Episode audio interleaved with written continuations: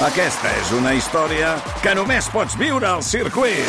24, 25 i 26 de maig. Gran premi Monster Energy de MotoGP al circuit de Barcelona, Catalunya. Compra ja les teves entrades a circuit.cat. Viu-ho! Via lliure. Podcast. Au village sans prétention, j'ai mauvaise réputation. Je me démène ou que je reste quoi, je passe pour un je ne sais quoi.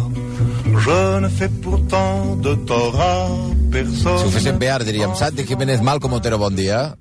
Ho dic pel, Bon dia. pel podcast, Bon eh? Ah, Eso pa podcast. Eh, Exacte, senyors del podcast que ens esteu escoltant, ho hem fet per vosaltres, perquè ja els havia saludat. On, Però no podem dir bon dia, hem de dir hola, Hola, exacte, hola, hola, hola. perquè igual escolten el podcast a la nit. Bé, um, és un català l'execrable i per tant això ja és un perill. Pa bueno, un perill per tu. Sí, sí, clar, clar. Ah, ah. Però, però eh, sí, perquè aquests, a més a més, eh, divideixen l'audiència, perquè avui hi ha gent que estarà molt contenta i hi ha gent que s'emprenyarà perquè el tenen molt, molt elevat i l'admiren molt, no? Clar, és el que passa quan fem els execrables nostrats, que no ens deixes, però de tant en quant no ens escapem, no? Clar, d'entrada, però és que no sé com no l'havien fet abans, perquè és un personatge que, si en lloc de néixer a Reus, neix a Wisconsin, tindria 25.000 pel·lícules i sèries de televisió perquè la seva vida és meravellosa. Vull dir, és un, tot, tot una estrella, un tio que va ser una estrella de rock magnífica a la seva època. Eh? I probablement és el català que més ha influït a Espanya al tota la història. O sigui, de, sí, el català que més ha manat a Espanya. Mm. Sí, I el més influent. Sí, ni Nacho Vidal, ni Pau Gasol, ni Copito de Nieve, ni Albert Boadella, ni tan sols Xavi Hernández i ni tan sols Arcadi Espada. Sí, ningú ha influït tant en la política espanyola com el nostre reusenc il·lustre, perquè Reus, al tanto, en aquella època que parlem, que és el segle XIX, era la segona ciutat de Catalunya. Va ser un militar i un polític més bruto que ha fet d'encàrrec. Era una mena de Rambo, Chuck Norris, Jason Statham, Bud Spencer i Terence Hill, tot en un. Li agradava més repartir llenya que un tonto un guix. Un heroi de guerra dels d'abans, de les guerres d'abans. Un ídol de masses, però també conspirador, assetjador, cruel, manipulador, caragirat i aprofitat. Un home que tenia com a hobby principal fer cops d'estat. Mira que es va pronunciar, pronunciar-se és fer un cop d'estat, no, no dir el seu nom perquè era molt fàcil, Prim. També té una cosa a favor, Prim, que és el nostre home d'avui, que és un català que, el, que a Espanya es pot pronunciar bé. Això no sí. com Fàbregas. Ara, ara, ara. Ves que no sigui el secret, això. Ah, igual era el secret. Però tenia, ell tenia una idea... Ell es va pronunciar, va fer eh, cops d'estat 8 en 4 anys. O sigui, cada 6 mesos feia un cop d'estat durant una època. I tenia una ideologia política claríssima. El que sigui per manar. Podia començar progressista, després conservador, després, primer va ser borbònic, després republicà, després va tornar a ser eh, monàrquic. Parlem de l'heroi de Tetuán i Batràs, el triomfador de la Gloriosa, el que va carregar-se els, bombó, els borbons Els bondons? per, per una estoneta, No, eh? per, per una estoneta només, fins que se'l van carregar amb ell, convertint-lo, en la seva mort, en el JFK català. Entra al club dels execrables el conde de Reus, marquès de los Castillejos i vizconde del Bruc, Juan Prim i Prats, més conegut com el general Prim. Ostres. Pot ser que sigui el primer cop que sona la, trina, la trenca? Pot ser, pot ser. Hosti. Jo crec que sí, jo crec que sí, però bueno, amb aquesta rumba tan flamenca que va composar un altre dels grans catalans que més ha influït en la cultura espanyola, que és Josep Maria Mainat, Noi. ens endinsem en la vida del nostre prim, que no va, no va estar mai mort de gana, eh? no, mai, mai va estar prim de gana. Ell venia de família bona. El seu pare era el notari de Reus, Pablo Prim. Però a Reus eren tan bèsties que fins i tot el notari repartia. Ojo, que aquesta opinió de, dels de Reus és d'inici del segle XIX i no és nostra, és del propi Prim, que descriu així la seva ciutat. Hay en el mundo de España, això ja de- del mundo de España m'agrada, eh? Hay en el mundo de España una ciudad populosa, ja hem dit que era la segona de Catalunya, Ah, populosa, de, belicosa, po, populosa és molta, molt, eh, po, molta molt gent, poblada. que té molta gent, sí, sí. Po- populosa, belicosa y dispuesta a lo bueno y a lo malo. Se llama Reus. Belicosa sí era, i els seus habitants bastant, bastant donats a la jarana. Fama que es va guanyar durant les guerres carlistes. Reus era un feu eh, liberal en una zona clarament favorable als carlins. I van guanyar els de Reus. El notari de Reus, el pare de Prim, que també es deia Prim, a més de fer poders i testaments, era el capità de la primera legió catalana i repartia estopa a tort i dret. Eren tan temuts els milicians de Reus que en aquella època que només us, que eren temuts en aquella època que només us direm que, la, que en aquella època neix la famosa frase fot-li que és de Reus. Ah, Sí, perquè quan pillaven a un de Reus, els carlins deien fot-li que és de Reus perquè si s'aixeca Ah. ah. ens massacra. Hosti, bona Ah, aquesta. El ne... Sí, sí, de, de les guerres carlines ve aquesta frase de fot-li que és de Reus. El nen prim, el, el fill del notari, de ben petit ja demostra certes actituds que el fan semblar al pare. Però no ens referim a la notaria, als testaments i tot això. Ens referim a, a, a, a repartir mamporros. Expliquen, els que el van conèixer, que era bastant soca. Fins i tot, de gran, parlava molt malament el castellà i cometia nombroses faltes d'ortografia quan escrivia. Però quan es repartia en mecos era imparable. De nen, la seva afició era, segons expliquen els seus coetanis, tirar piedras a la gente i saquear les parades del mercado. Bé, bé, mira, no està malament. Amb aquesta carta de presentació, què podien fer amb ell? Apuntar-lo a la facultat de dret o a les partides militars del seu pare? Doncs a la milícia. I allà ho peta.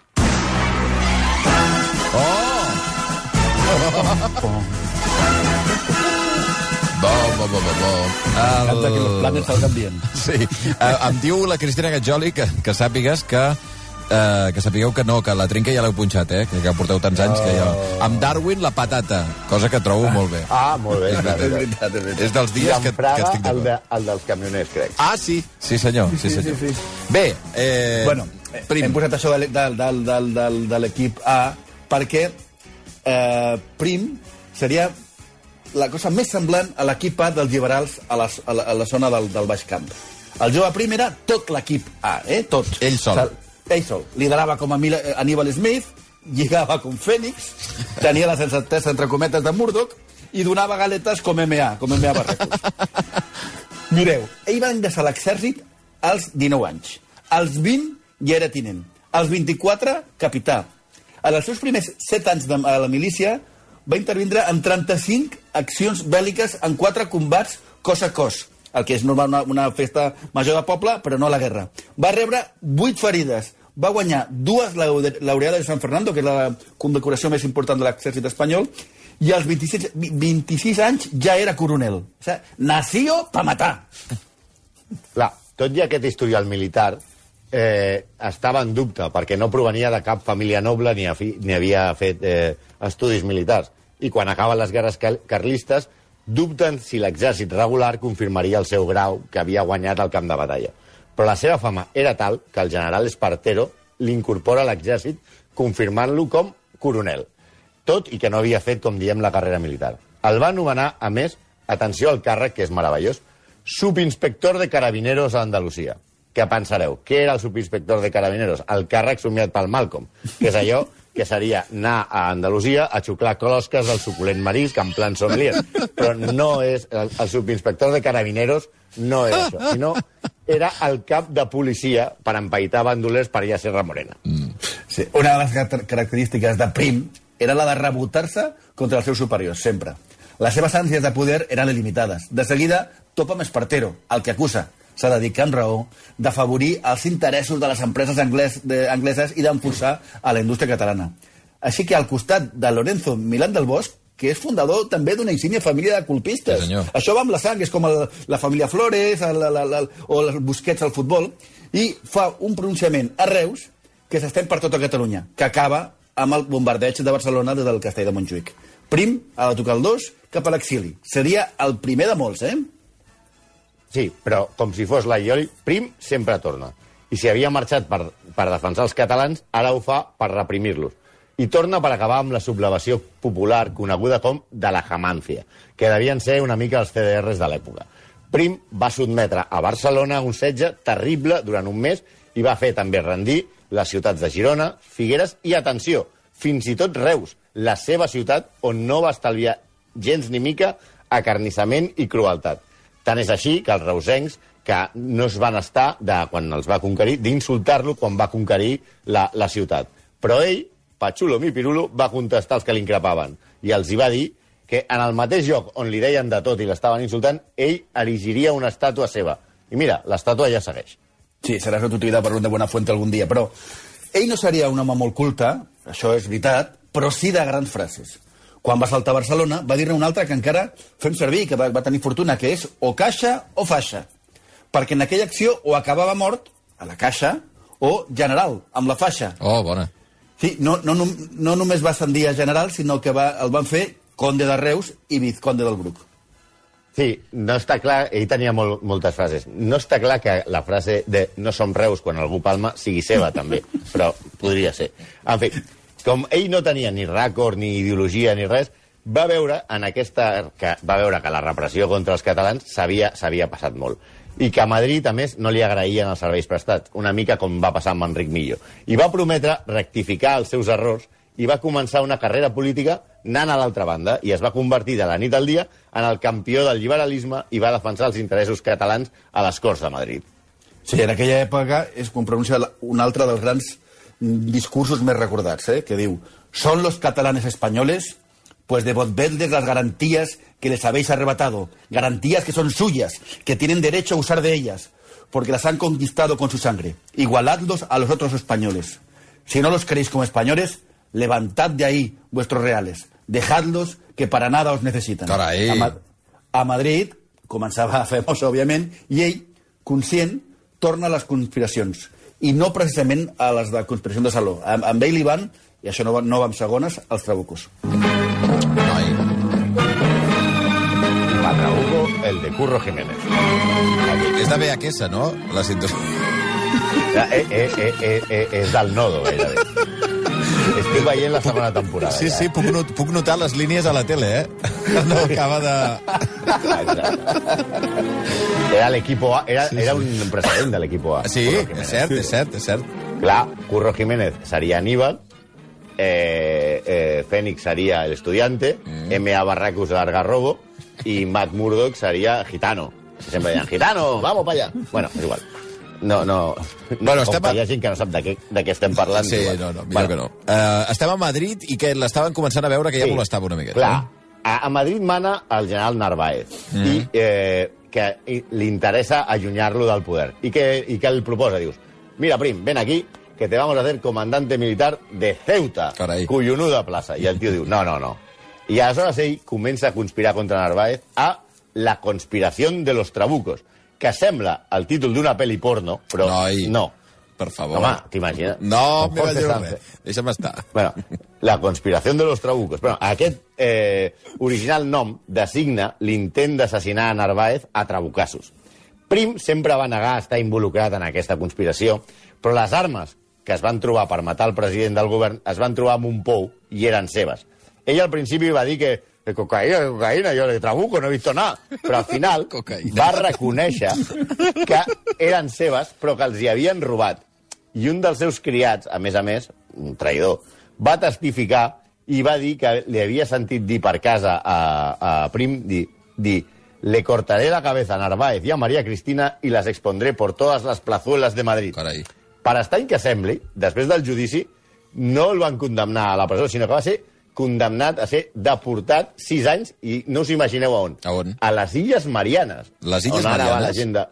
Sí, sí, sí, allà deportar, Espanya deportava la gent a les Illes Marianes i, i ara se'n van de, de, de lluna de mel. O sigui, tampoc estava tan malament. Al final es veu que això de les Illes Marianes tampoc li va agradar i va arribar a un pacte per, i li van commutar per un confinament a Écija, que fa molta calor i tal, però tampoc està tan, tan malament, a Écija. Sí, era, era urgent enviar juny a Prim. I Narváez li troba el joc perfecte. A Puerto Rico. A Apa. escoltar reggaeton con los boricuas. La, la definició que fa Narváez del seu rival polític el retracta a la perfecció. Diu, era un calavera, esto lo sabemos todos, que no respiraba más que ideas de venganza y que en su concepto, en cualquier parte que se armase Zaragata, allí se encontraría.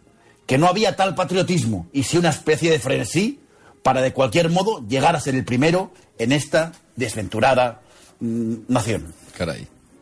A, arriba a Puerto Rico Sí, sí. i el fan capità general de Puerto Rico. I ell allà imposa un règim de terror.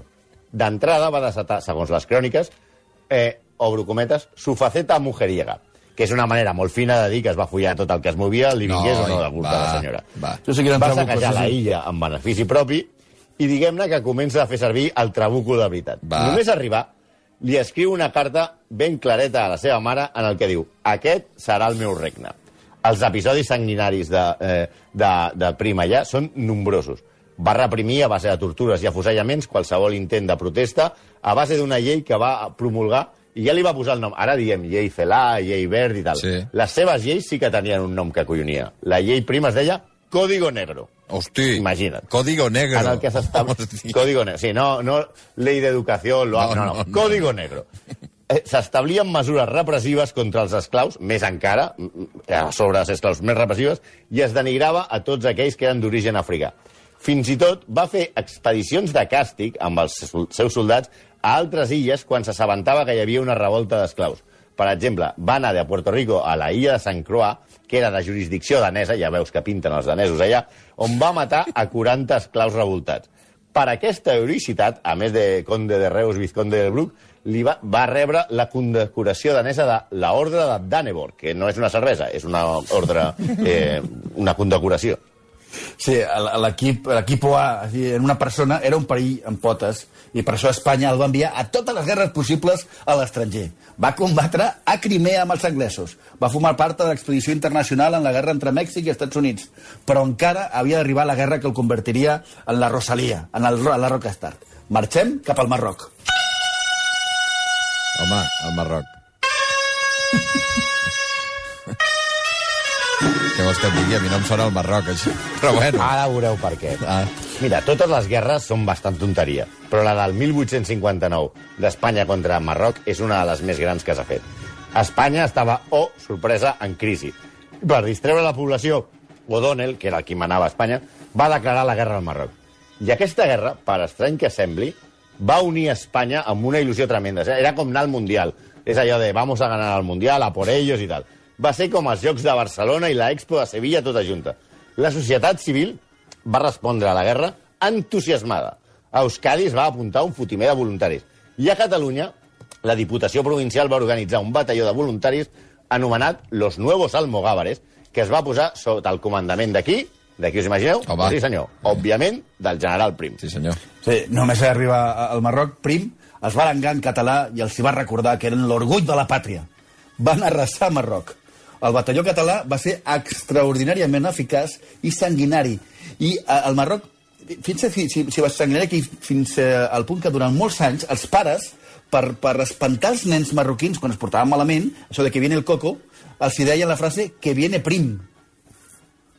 Ah, imagina't. I aquí és on Prim arriba al seu punt més alt de prestigi militar amb batalles que expliquen molts carrers de les ciutats de Catalunya que no teníeu ni idea que existien. Per exemple, la batalla de Castillejos o la batalla de Batràs i especialment la batalla de Tetuán, on, i aquí venia de la música, els voluntaris catalans van superar la muralla a la ciutat després de que el general els hi manés fer un castell típic de les festes No, dels seus pobles no. per superar la muralla. No, Sí, no, senyor. no. Van fer un castell Sí, per passar... No, no pot ser. Sí. No. Imagina't que brutos eren, que es van posar ahí. Es que nos están tirando piedras, hacéis... Feu un castell, un 6 de 9 amb full remanilles i pugeu i, i mateu els moros. Pues això. I ara aquí... I aquest... Amb aquells crits, oi? les- Sí, carregat! Aguanta carregat, aquí! carregat era el, el, el, els que es carregaven el, el, el, els que estaven dintre. I el batalló de voluntaris catalans va ser el primer a nissar la bandera espanyola i rendir la ciutat. Sí. Després de la campanya al Marroc, Prim era per Espanya una barreja de Vamos Rafa i Sergio Ramos, eh? Vamos, Rafa. Era el tio més famós d'Espanya. Va organitzar el seu retorn a Madrid com si fos la Vuelta Ciclista, parant a cada poble on el rebíem amb la gent al carrer, feien obres de teatre amb el seu honor recreant les gestes del Marroc, i li feien tota mena de regals, i el feien això de fill adoptiu de, de cada lloc on passava. El seu poder era tant que amenaçava la monarquia i els que la sustentaven, òbviament. I ha quedat clar que ell el poder el posava més catxondo que res. Va començar a conspirar per fer-se amb el govern. Això ja, ja se sabia què passaria. El van descobrir i, van, i va tornar a l'exili. I des d'allà no para fins que va derrocar el règim. Sí, òbviament ho va fer a lo grande, com feia les coses prim.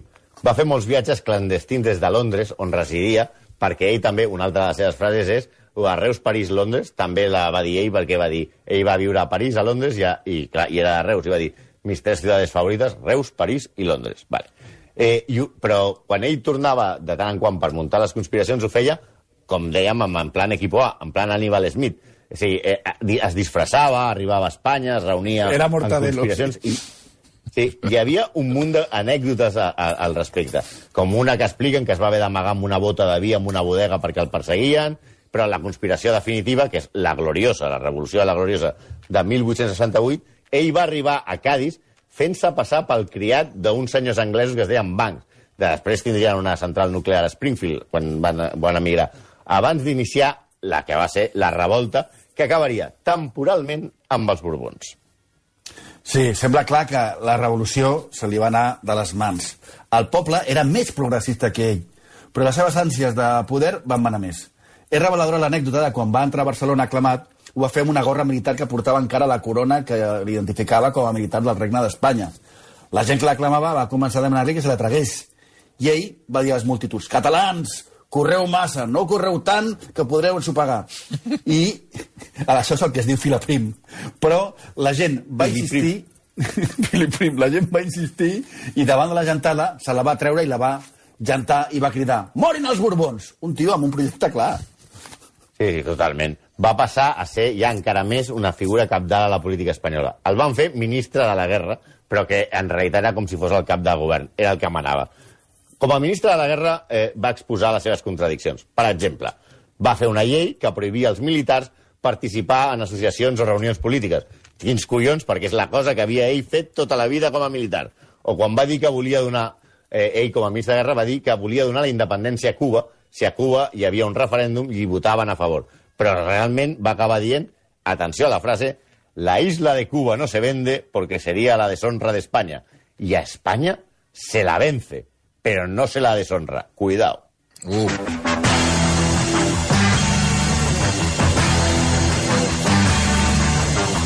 Ja, ja esteu veient a Grison allà buscant les pistes, però ara anem, ara, ara anem, eh, ara anem a la part misteriosa i el seu assassinat. I que té una teoria de la conspiració inclosa que seria com de CSI ibèric.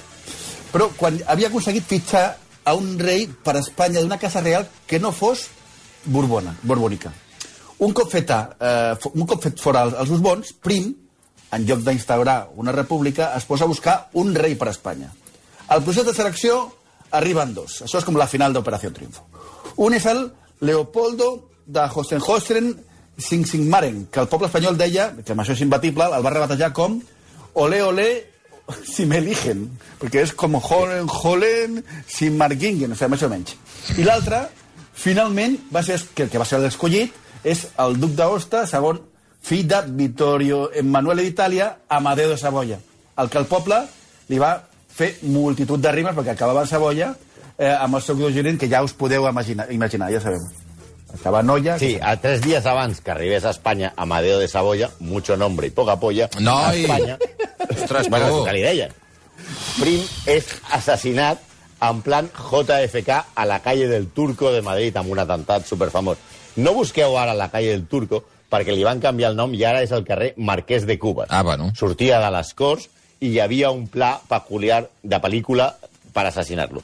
Hi havia assassins amb trabucos, i tornem amb els trabucos, apostats a la calle del Turco, a la calle Ceda de Ceros i a la calle del Barquillo, que imagina't que et maten a la calle del Barquillo, quina poca, quina poca, quina poca èpica. Pendents de quin rumb prengués el carruatge que el portava. Era nit tancada i nevava molt a Madrid, era el 30 de desembre. I els criminals es comunicaven amb, eh, entre ells, per dir per on anava, amb un sistema supertecnològic i molt espanyol. Encenien cigarretes. És a Oh, dir, quan pas... Hi havia tios allò eh, posats cada uns metres i aleshores quan passava el carruatge prim hi havia un paio que s'encenia una cigarreta i anava seguint i així eh, s'ho fent, ¿vale? eh, per avisar per on anava el carruatge. Quan va agafar el carrer del Turco va ser bloquejat, en plan pel·lícula, pel davant i pel darrere per dos cotxes de cavall. En el moment que van sortir d'una taverna, perquè no hi havia confinament i a Madrid ja saps que se'ls passen pel forro, 12 persones, amb trabucos, clar, perquè tu estàs allà fotent la canyita amb, amb el trabuco, i van acribillar el carruatge. Només es va sentir «Fuego, punyeta, fuego!» per un costat, i dintre del carruatge «Cuidao, mi general, cuidao!» M'encanta, li ha posat passió, eh? Sí, eh? Tot, tot i la descàrrega, eh, Prim va sortir bastant ben parat de l'atemptat. Va rebre un tret a l'espai esquerre, un altre al colze i un altre a la mà dreta. va arribar al Ministeri de la Guerra a la carrera i va entrar sagnant com un porc, però pel seu propi peu. Va tranquil·litzar la seva dona, no passa res, no et preocupis, és una ferieta de res, i van cridar els metges que d'entrada la van haver d'amputar un dit. Semblava que salvaria, i només era preocupant la ferida de l'Espanya on hi havia eh, havien entrat 8 bales, és a dir, 8 bales a l'esquena. A les 2 del matí li havien tret 7. No obstant, la cosa es va complicar i va acabar morint. En principi, perquè es va produir una sepsis, una infecció, provocada per la introducció al pit a base de trabucassos de retalls de l'abric de pell d'os que portava.